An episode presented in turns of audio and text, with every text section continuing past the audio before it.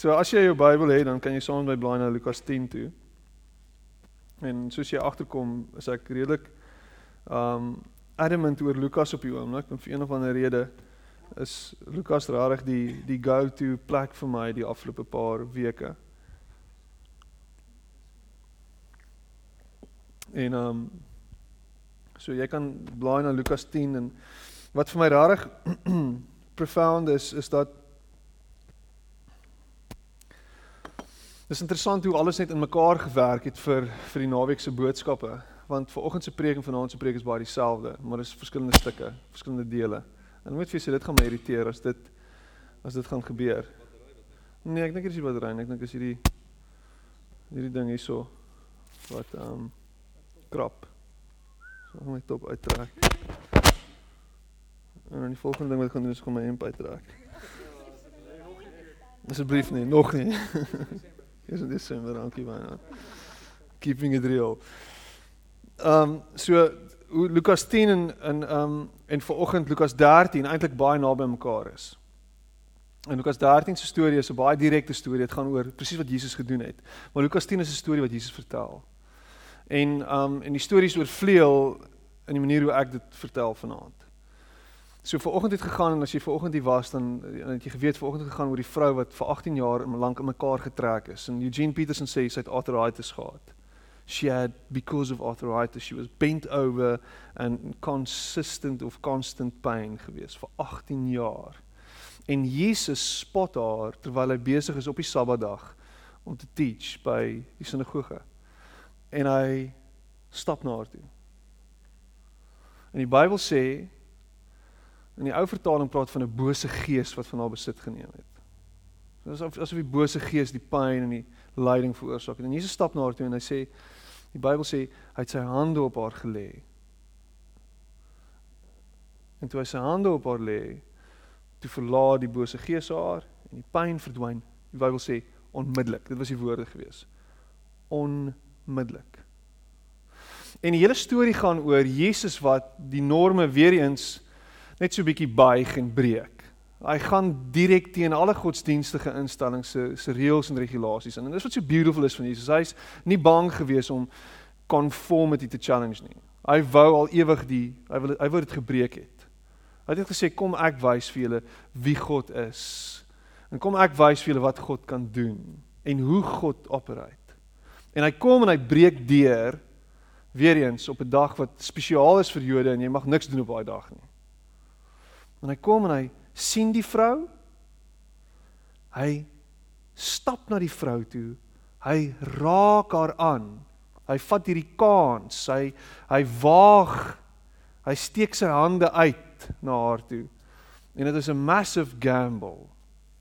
En, en ek het daai stuk gekwout van van C.S. Lewis wat sê to love at all is to be vulnerable. En Jesus kom maak homself vulnerable in daai oomblik stel homself bloot in die eerste plek vir 'n klomp kritiek.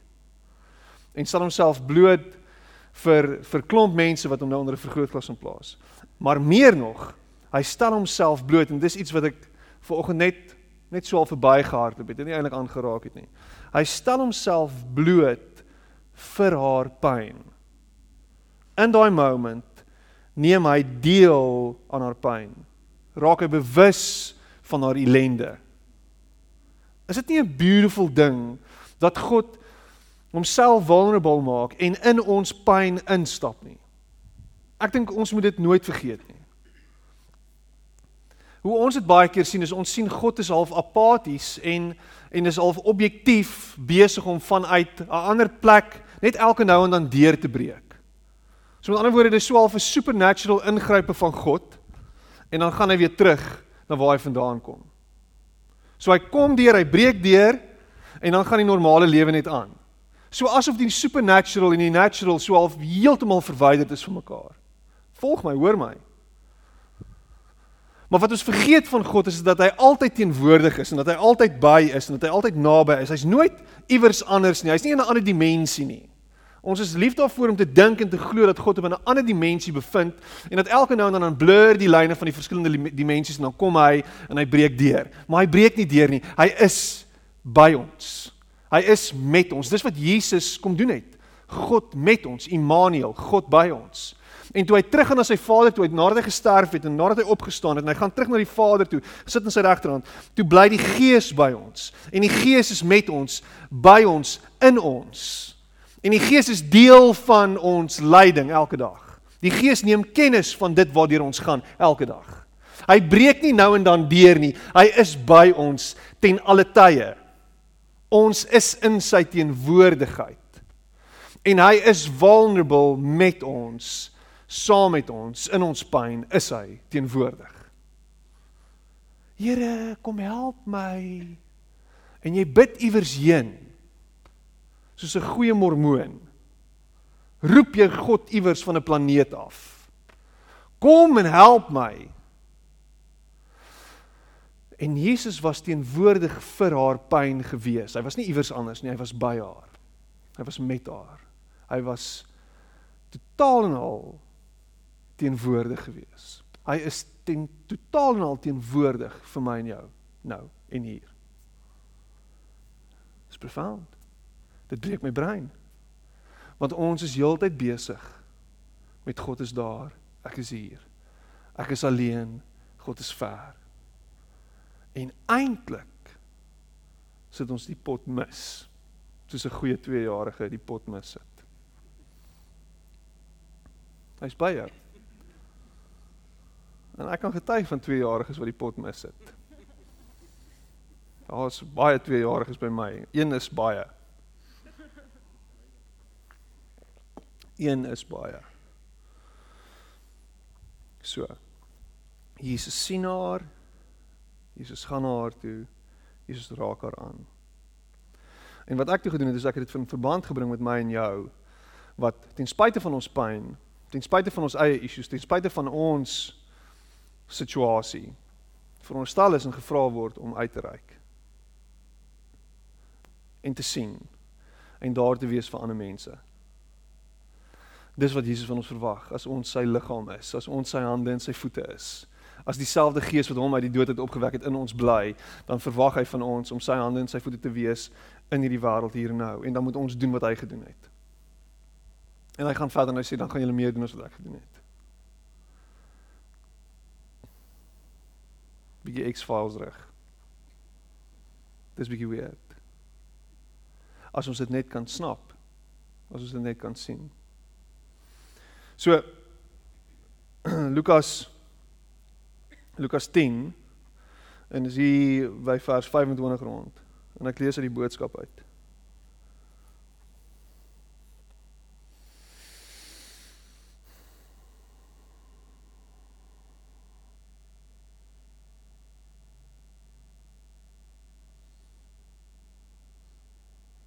Die verhaal van die Samaritaan wat regtig omgegee het. En heel eerstens jy het hierdie storie al 10 keer gehoor, 100 keer gehoor. Jy het dalk hierdie prentjie geteken en ingekleer toe jy baie klein was al. Jy ken hierdie storie deur en deur sonder skool. Jy weet wat hier aangaan. Ek gaan hom nou weer lees en dan gaan jy hom weer hoor vir die 101ste keer. OK? Maar voordat ek hom gaan lees, wil ek vir jou dit sê. Jesus is in hierdie storie 'n Samaritaan.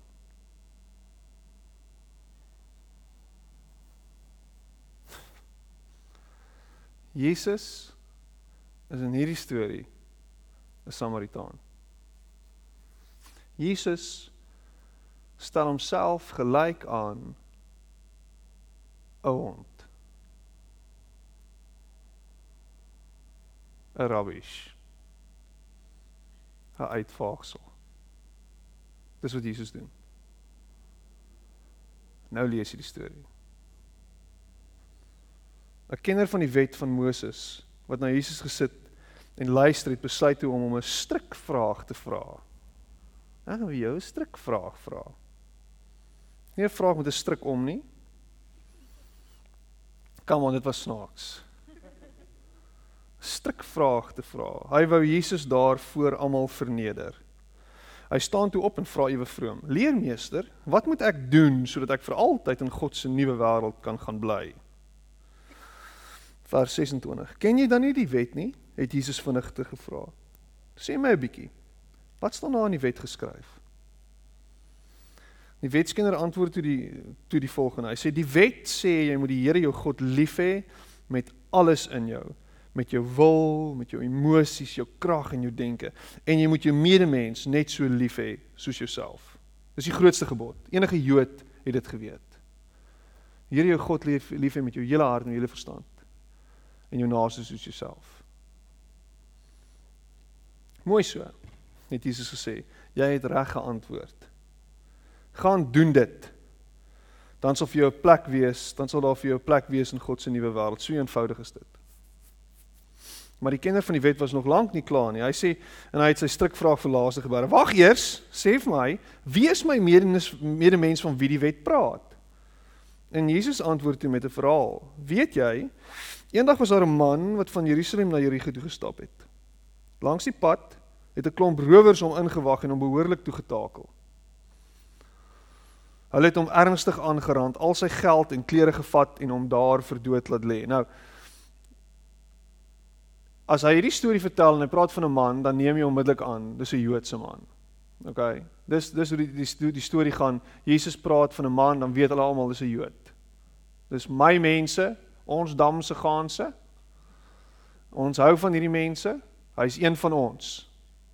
Hy lyk soos ons, hy praat soos ons, hy's besny soos ons, dis ons mense. My mense. Hulle het hom behoorlik toegetakel, hulle het hom ernstig aangerand, hulle het al sy geld en klere gevat en hom daar vir dood laat lê. Toevallig stap 'n priester rukkie later daar verby. Maar toe hy die half dooie man daar sien lê, het hy aan die ander kant van die pad verbygestap en gemaak of hy hom glad nie sien nie. So daar's 'n gewone ou wat geslaan is en half vir dood gelê laat lê is en hier kom, die volgende ou wat verbykom is 'n nie gewone man nie. Hy is 'n priester. Hy is belangrik. Hy het hy het al die credentials, die godsdienstige credentials. Volgens alle rede is hy 'n great ou. Dis wat 'n priester is. Hy's great. Priesters is great.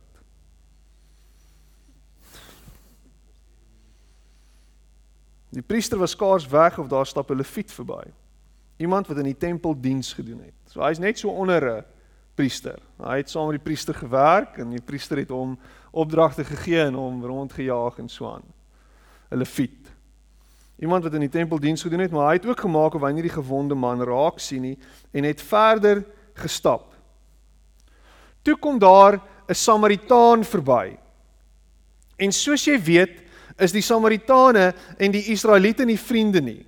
Maar hierdie Samaritaan het gaan stil staan om te kyk wat die beseerde man makeer. Toe hy sien hoe die arme man lyk, het hy hom baie jammer gekry. Hy het hom nie jammer gekry nie. Hy het hom baie jammer gekry. Hy het dadelik die medisyne uitgehaal wat hy by hom in sy tas gehad het en die man se wonde skoon gemaak. Hy het hom toegebind, toe verbind en versigtig op sy donkie getel. Die Samaritaan is toe na die naaste herberg toe en daar het hy die man in die bed gaan sit en hom versorg. Die volgende oggend moes die Samaritaan verder reis. Hy sê toe vir die eienaar van die herberg: "Hier is geld om vir daardie siek man se verblyf te betaal. Sorg asseblief goed vir hom. En as die geld te min is, sal ek later die res kom betaal. Ek kom binnekort weer hier oorslaap wanneer ek van my reis af terugkeer." Sê my, wie van hierdie drie mans was 'n medemens vir daardie arme man wat onder die rowers deurgeloop het? Wat dink jy? het Jesus toe vir die kenner van die wet gevra. Hy antwoord toe: "Ja wel, seker daardie een wat goed gedoen het aan die man wat aangerand is." Hierdie ou het so renons in Samaritane gehad dat hy nie eers verwys na die Samaritaan as 'n Samaritaan nie. Hy verwys na hom as daardie een, daardie man. Daardie een, hy sê daardie een wat goed gedoen het aan die man wat aangerand is. Nie eers die Samaritaan nie. Daardie een. Check dit. Mooi so. gaan doen jy nou presies dieselfde as hy. Word 'n medemens vir elkeen met wie jy elke dag te doen het. Maak nie saak wie of wat hulle is nie, het Jesus geantwoord. OK. Doen dit dan. Jy jy jy kry die gevoel hoe Jesus net besig is om hierdie ouens te krap. Net besig is om net net 'n bietjie net te poke net te druk. En net net hulle net so half onder hulle velle in te kom. Love dit. Gans anders. En hy challenge my en hy challenge jou om juis dit te doen. Ek wil hierdie vir julle lees. Stefan Joubert is een van my all-time favorite teoloë in ons land as we speak en hy het juis hierdie stukkie um hierdie stukkie bespreek. En die beste van alles is vandag praat hy hieroor. Hy praat vandag hieroor. Van alle tye praat hy vandag oor dit. Luister wat sê hy vandag. Hy sê um Hy sê naamlik in Lukas 10 vers 33 dat toe die Samaritaan die verwonde man langs die pad sien lê, het hy hom innig jammer gekry. En ons het nou die boodskap gelees wat Stefan self geskryf het ook. Hy het self hom vertaal uit die Grieks uit. Hy sê innig jammer, maar hy het geskryf baie jammer. Die Griekse woord en hier's baie belangrik, splagnitsomai, dui op sy diep medelee. Dit is presies ook die hart van Jesus. Keer op keer as Jesus mense in nood raakloop, soos die melaatse in in Markus 1 die hongeriges in Matteus 14 en 15 of die blindes in Matteus 20 roer sy hart diep. Splag nie so maar beteken sy ingewande het fisies beweeg. Dit dit dis dis half hoe hoe beskrywend die Grieks is. Dit het gedraai binne in hom.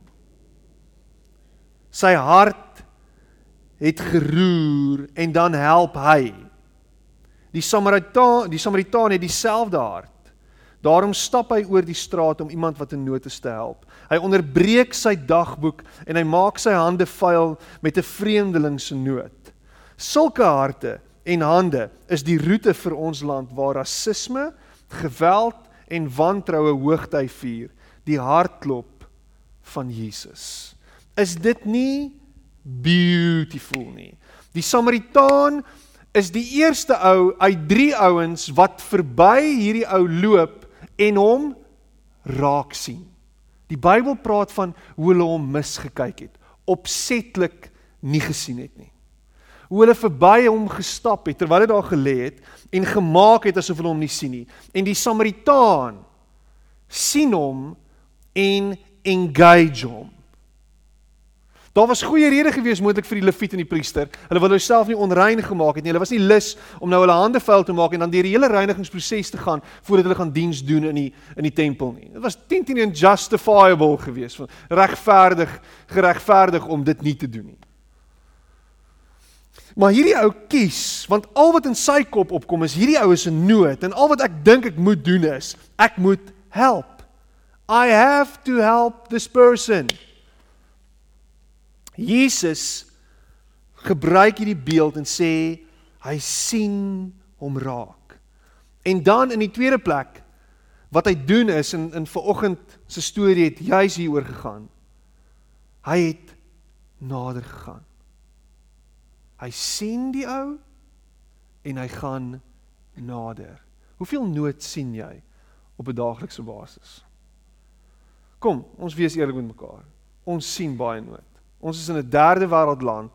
Ons sien dit om elke hoek en draai. Ons hoor daarvan konstant. Consistently is ons besig om te hoor van mense wat in nood is. Dis middel van die winter en dankie tog is vandag 'n lekker dag. Maar daar's mense wat op die straat slaap en ons weet dit.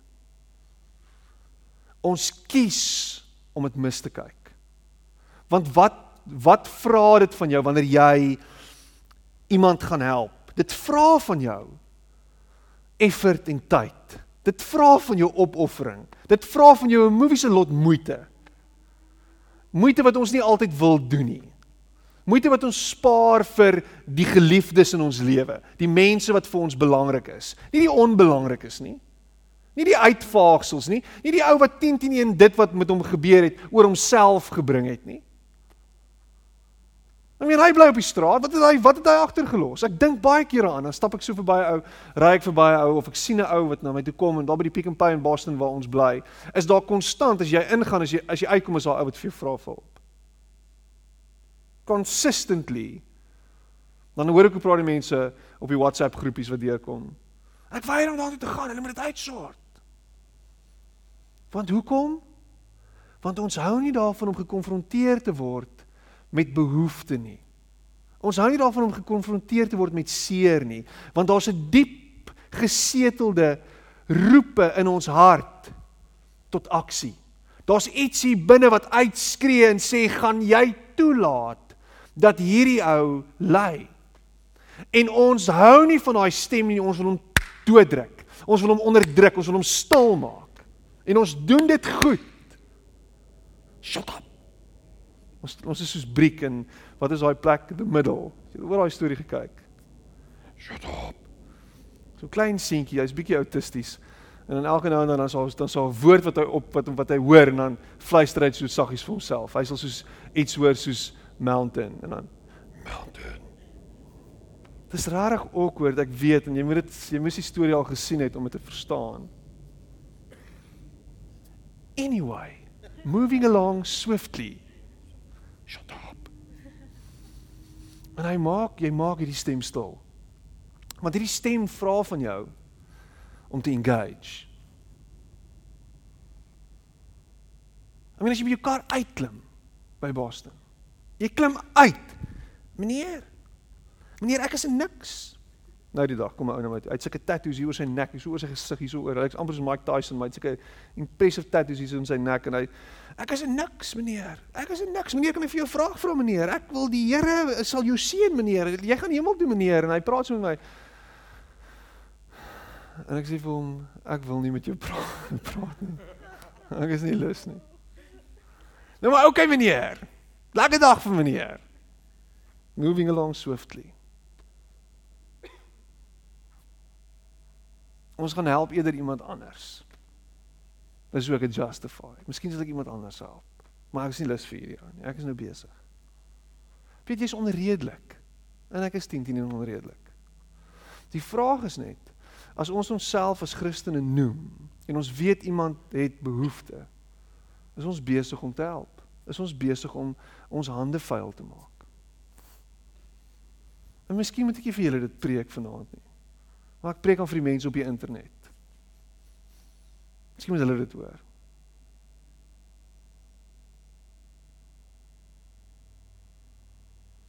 Maar ons is Jesus se hande en sy voete. So sien dit raak. Wil nie 'n klomp skuldgevoel op jou laai nie. Dis nie wat ek doen nie. Al wat ek doen is ek vra vanaand of jy gaan toelaat dat jou hart geroer word wanneer daar behoefte is. En of jy gaan toelaat dat die Heilige Gees met jou gaan praat en of jy gaan reageer op sy stem. En miskien roer dit jou en beweeg dit jou om dalk betrokke te raak by 'n organisasie wat reeds op 'n verantwoordelike manier miskien mense help. Of jy weet van iemand iewers wat jy kan bystaan en jy doen dit. Maar dit gaan jou kos. Gaan effort vra. Gaan 'n bietjie opoffering kos. Wat doen jy? So, Jesus sien die man. Die Samaritaan sien die man.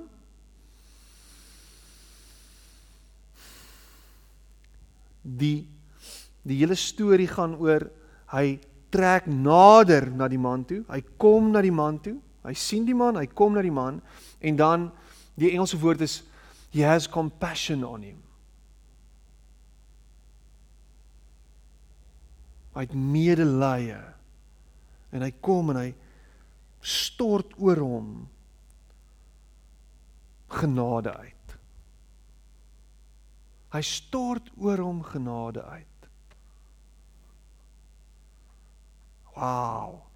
Hy verdien dit nie. En hierdie hierdie hierdie Samaritaan maak homself vulnerable. Want deur te engage met hierdie ou wat langs die pad lê, maak hy homself oop vir die vir die moontlikheid dat dit deel van 'n lokval kan wees. Ek weet ons was in hierdie ons was by hierdie plek gewees, hierdie pad, hierdie pad wat deur die woestyn loop op pad na Jerusalem toe. Hulle sê dis moontlik die pad waartoe Jesus se verwys het as hy die storie van die barmhartige Samaritaan vertel het. Dis 'n vallei, nou vallei onder op die bodem, deur die massive hoë berge en rotsskeure. En is soos die sand people in in in in Star Wars. Dit lyk net so. En hierdie ouens is daar gooi sal klippe uitgooi en in 'n klomp goeders doen en jou aanval en jou af jou jou jou jou oorrompel. Jy's jy's diep in die moeilikheid. Hierdie hierdie is 'n 17 km stuk stuk pad omtrent. Dis regtig dodgy. Dis is dis is dis is Parow se hoofstraat. Dis heavy dodgy. Net langs die hoofstraat van Parow. En en hy maak homself vulnerable want die kans is baie groot dat dit 'n lokval is. En hy kan oorrompel word verder. Daai ouens wat daai ou oorrompel het, is dalk net nog daar in die omgewing of hy's deel van die storie. Ja, dis 'n fabelpie, dis 'n opgemaakte storieetjie hierdie. Waarvan praat jy? Dink bietjie hieraan. Hoeveel keer het ons al gehoor van mense wat langs die R300 staan en dan stop mense om hulle te help en word hulle oorval? Né? Jy al sulke stories gehoor. Jy stop nie langs die R300 nie of die N2 nie.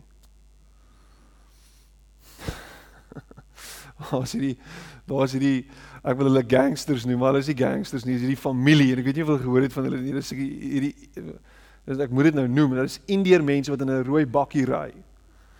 En as hulle met hulle gebreekte bakkie langs die pad staan, gebreekte bakkie. En dan stop jy nou by hulle. Want jy moet hulle help of hulle hulle keer jou sommer so af so van die pad af en dan moet jy hulle nou help.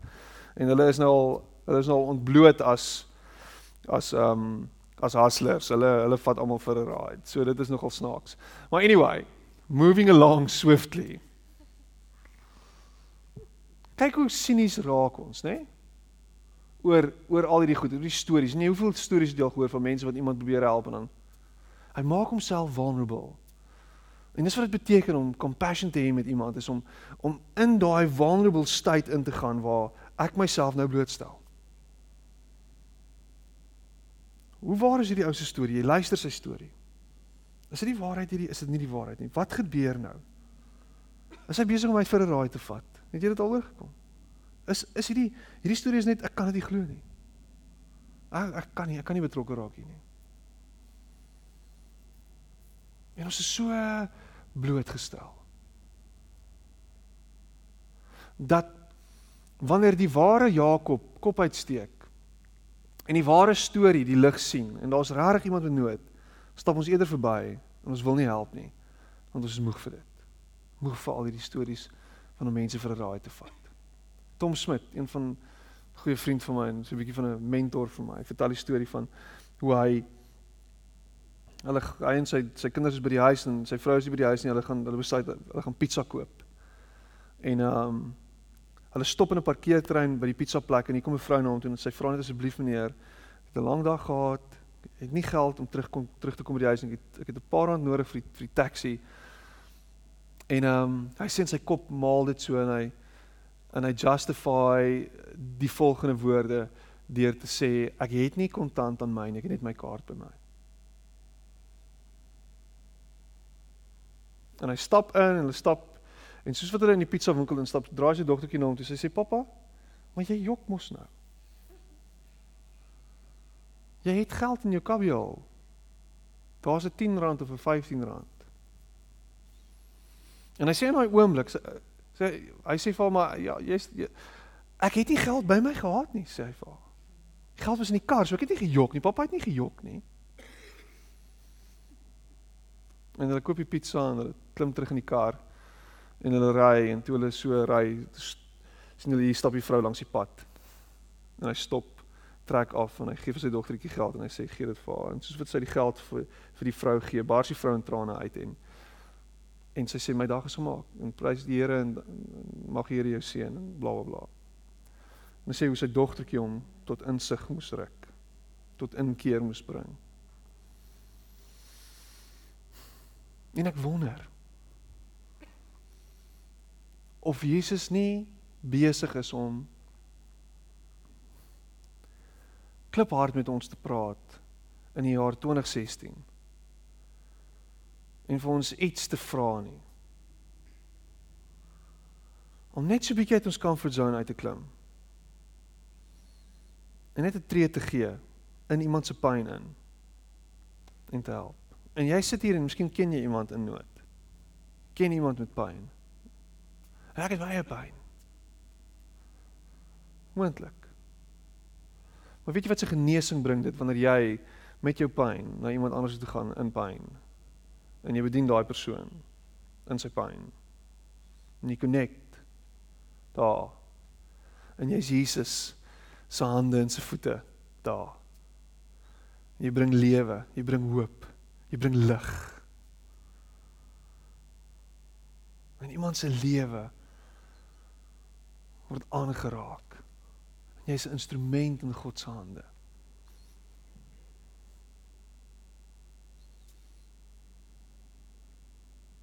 So Jesus is die Samaritaan. En Jesus maak homself die outcast.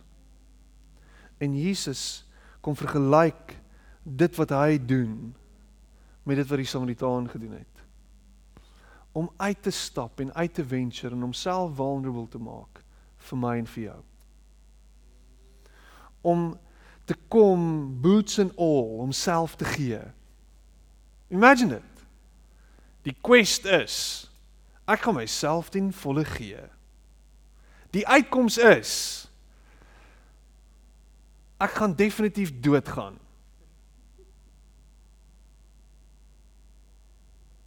Die kans is baie goed dat hulle my gaan verwerp. En dat hulle my tot in ewigheid gaan verwerp. Maar nogtans sal ek dit doen.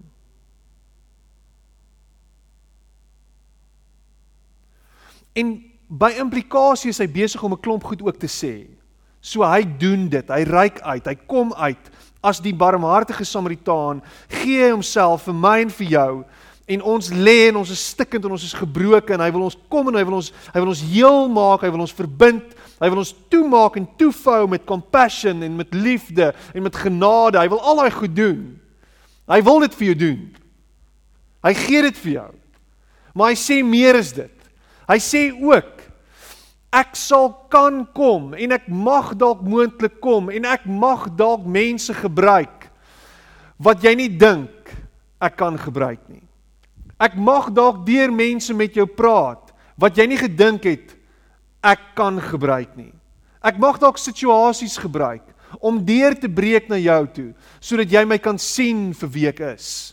En ek mag dalk die gebruik wat jy na kyk en waarvan jy niks hou nie. Trouwens jy dalk 'n afskeen hulle. En is dit moontlik dat God dalk iemand kan gebruik wat heeltemal buite jou verwysingsraamwerk is en van wie jy glad nie hou nie? Is dit moontlik dat God dalk deur een of ander politieke leier wat 'n afskuwelike persoon vir jou is, dalk met jou kan praat en op een of ander manier dalk tot in jou hart kan spreek en kan sien dat daar fout is daar binne? Ek meen hoeveel keer het jy al vir Jay-Z gesê hy's 'n bobbejaan? Hæ? Kom aan, kom ons wees eerlik. Hoeveel keer het jy al gedink jou stupid aap? Hoeveel keer het jy al rassistiese woorde teenoor hom geuiter? Hoeveel keer? En al wat dit doen is God is besig om vir jou te wys dat jou hart vol bedrog is. Dat jou hart pikdonker is en dat jy moet nodig nodig het om te gaan ondersoek instel en te gaan kyk wat gaan hier binne aan. Diep in elkeen van ons is daar 'n moordkuil wat net Jesus kan toemaak wat net Jesus kan opvul met liefde en met genade. En miskien is dit tyd dat jy jouself blootstel en oopstel en sê Here, kom asseblief. Kom maak hierdie donker gat vol met lig en skyn daai spotlight van die Boston Neighborhood Watch diep in my hart in. As jy vanoggend hier was, sou jy die reference verstaan. So Jesus kom krap aan daai fariseer met hierdie barmhartige Samaritaan storie. Jesus kom wys 'n spotlight op baie ou se hart en hy sê hy kry vir jou. Ruk jouself reg. En miskien is dit tyd dat ek en jy baie diep gaan dink. En die crazieste van alles is as God vir Jay-Z kan gebruik of 'n Malema of 'n wie ook al of weet jy wat is hierdie ander knaap wat nou van die SABC wat is hy wat is sy naam? Claudie Motsoeneng. Yes. As hy hom kan gebruik om 'n klomp goed vir jou te wys. Die beste van alles is hy kan actually vir jou ook gebruik. Hy wil jou actually gebruik. Hy het actually 'n behoefte om deur jou lig vir hierdie wêreld te wees. Hy kan jou gebruik. Maak jouself oop. Sê Here kom. Kom werk in my. En kom ek en jy word agente van hoop en lewe en lig in 2016. Die New Atheist beweging beweer daar is nie 'n God nie. Hulle wil so ver gaan as om te sê hulle glo nie eers dat daar nie 'n God is nie. Hulle weet daar is nie 'n God nie. So jy kan nie eers vir hulle sê jy glo dat daar nie 'n God is nie, so daarom glo jy net soos ek nie. Hulle dit hulle stel nie belang daarin nie. Die enigste manier hoe ateës ooit ooit ooit ooit ooit ooit gaan sien dat God leef is wanneer ek en jy sy hande en sy voete is in hierdie wêreld. Wanneer hulle 'n ander manier van leef sien, 'n ander manier van doen sien. Wanneer hulle ander kwaliteite sien wat hulle gedink het dood en dead and buried is. Wanneer jy mense vergewe vir aaklige en walglike goed wat hulle aan gedoen het. Wanneer jy mense vryspreek. Wanneer jy lewe spreek in 'n dooie situasie. Wanneer jy help waar daar eintlik geen meer salf te smeer is nie.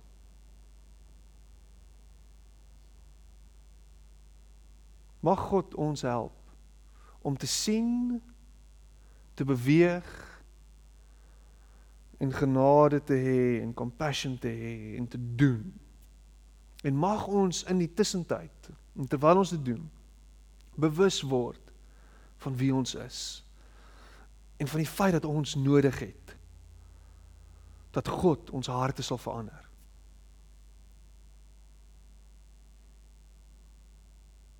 Amen.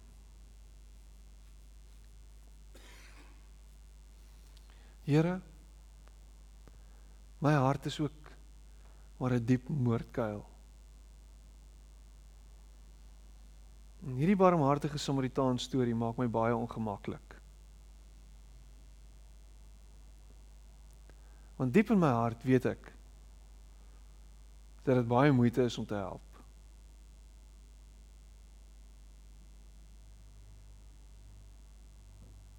En ons bid so maklik Here dat U ons moet gebruik en gebruik en gebruik en werk deur ons en bla bla bla. Maar hoeveel keer mis ons dit nie. Hoeveel keer sit ons nie die pot mis soos 'n 2-jarige nie. En my gebed is dat U ons sal bly begenadig. Dat U sal sal aanhou om vir ons nog 'n kans te gee asseblief Here, want ons het dit nodig. En help ons om nie net mense te wees wat sê ons het mense lief en sê dat ons wil help nie, maar dat ons nooit help nie. Help ons om mense te word wat wat help en wat regtig wys wat dit beteken om lief te hê.